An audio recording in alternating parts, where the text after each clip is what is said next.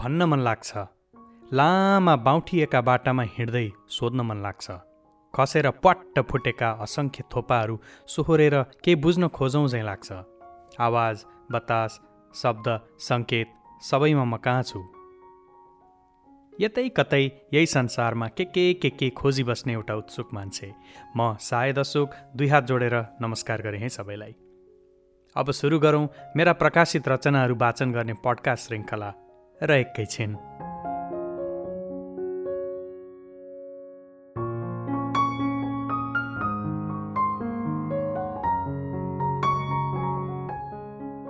मलाई एउटा शब्द मनपर्छ अनायास। एउटा इन्डिसाइसिभ मान्छेले धेरै कुरा एक्सप्लेन गरिराख्नुपर्छ। एक्सप्लेन गर्ने क्रममा उसले भनिरहेको हुन्छ अर्थात् फलानु फलानु फलानु अर्थात् फलानु फलानु फलानु। मैले त्यसैबाट एउटा शीर्षक राखेँ अर्थात् अनायासै। धेरै कुरा अनायासै भइदिन्छन्। धेरै कुरामा अर्थात् यो यो यो यो यो अर्थात् त्यो त्यो त्यो त्यो त्यो व्याख्या गर्दै जानुपर्छ। तर एउटा मजाको कुरा के भने नि अनायासै हुने कुरामा कसरी पो व्याख्या गर्नु? के पो व्याख्या गर्नु? जसरी मेरा अरू लेखोटहरू पनि धेरैतिर छिरलिएका हुन्छन् यो एउटा लेखोट पनि त्यस्तै नै छ। तर म सधैँ भन्ने गर्छु एउटा मसिनो धागोले धेरै कुरा जोडेको हुन्छ। सुरु गरौँ अर्थात् अनायासै।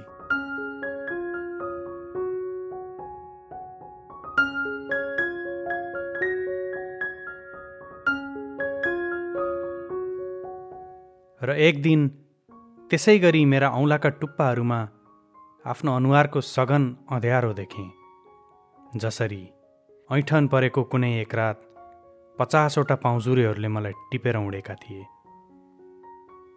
औँलाका टुप्पामा देखिने धर्सा चक्र रेखाहरूको अर्थ के हुँदो रहेछ भनेर गुगलमा खोज्यो भने लरर आउँछन् मेडिकल कन्डिसन अनि कजेज एन्ड सिम्टम्सको लिस्ट।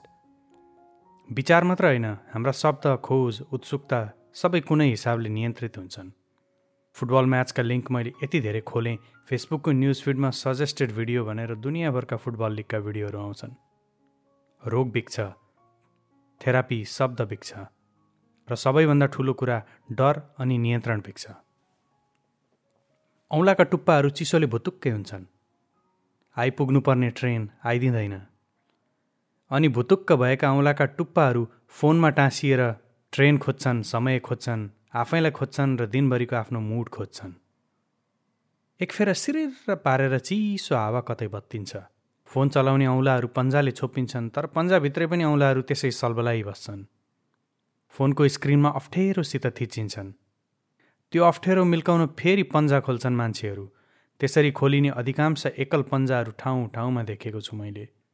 जता हेऱ्यो टुक्लुक्क बसेको एउटा पन्जा। एक मन त यो एक किसिमको एपिडेमिक हो कि जस्तो पनि लाग्ने। तर कतिपय कुराहरू जे हो त्यही हुन्छन्। तिनका अरू अर्थ र सन्दर्भ नहुन सक्छन्। ती पन्जाहरू फोन चलाउन खोलिएका हुन् र छुटेका हुन् छुट्न नचाहँदा नचाहँदै।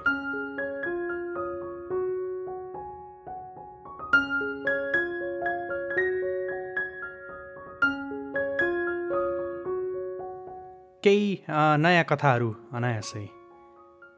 You have kids no but I'm fond of स्पष्टै भनिदिन्छु। भनिदिन्छु होइन भनिदिन सक्छु। होला।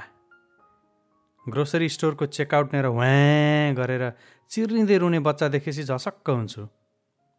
कुनै कुराको प्रतिक्रियाले विचारको स्पष्टता च्वाट्टै काटिदिन्छ। त्यो प्रतिक्रिया त्यो बच्चाको रुवाइसित मात्र हो कि? I'm still fond of kids बुझ्ने बुझाउने कुरो। यस्ता कुरामा आफ्नो तगडा क्यारेक्टर देख्छु। कोही बेला यसो आफैलाई हेर्छु सधैँ होइन कोही बेला। थाहा पाउँछु भन्ने कुराहरू ठ्याक्कै यही हो भनेर भन्न या बुझाउन सक्दिनँ। फन फनी घुमेर तिन फेर एउटै कुरो भन्दो रहेछु। भन्न खोजेको कुरा चाहिँ फुस्सा। सधैँ होइन कोही बेला।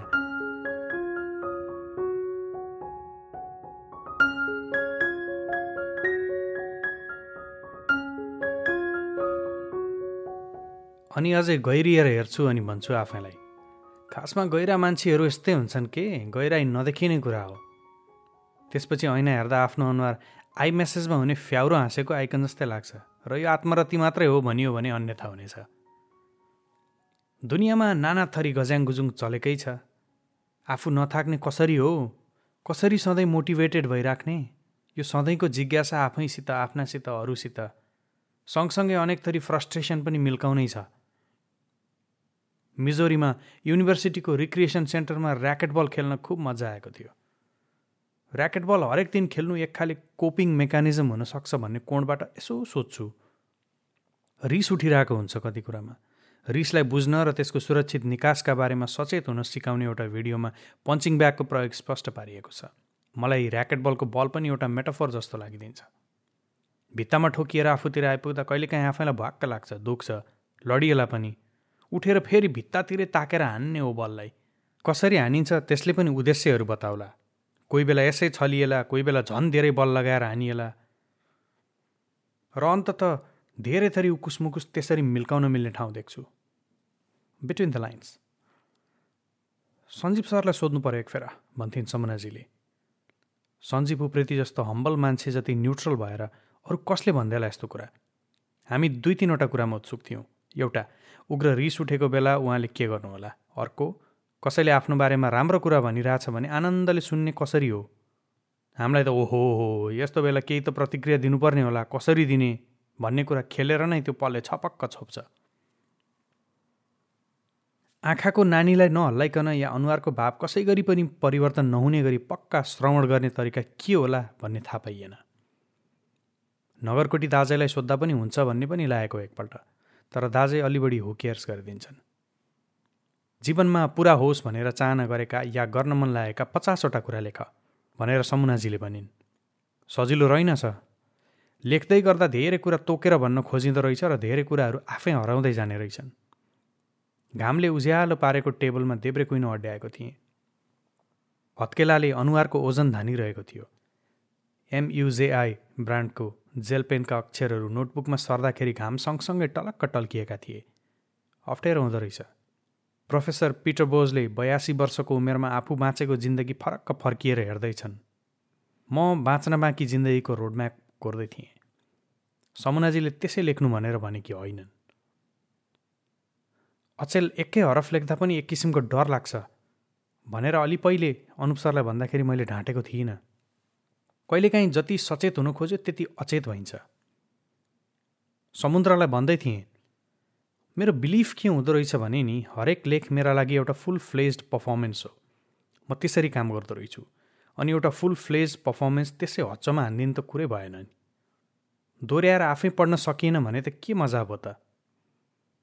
यस्तै सेल्फ रिफ्लेक्सनको कुरा गरिरहँदा समुनाजीसित भनेथेँ मञ्चमा एउटा आकृति लडिरहेको छ। पाराको नाटक लेखेर त अब उही हो।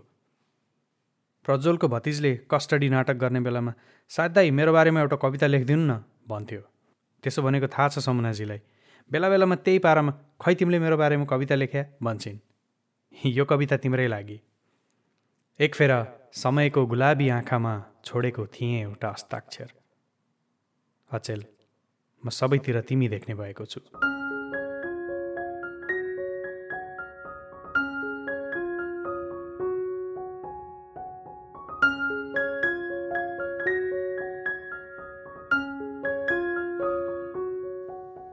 गुगलले जे देखाए पनि औँलाका टुप्पाहरूले धेरै कुरा भन्छन्। अहिले यत्तिखेर औँलाहरू आँखा भएका छन्। म आफ्ना अक्षरहरू हेरिरहेको छु। अर्थात् अनायासै औँलाहरूले स्मृतिहरू खोतलिदिए।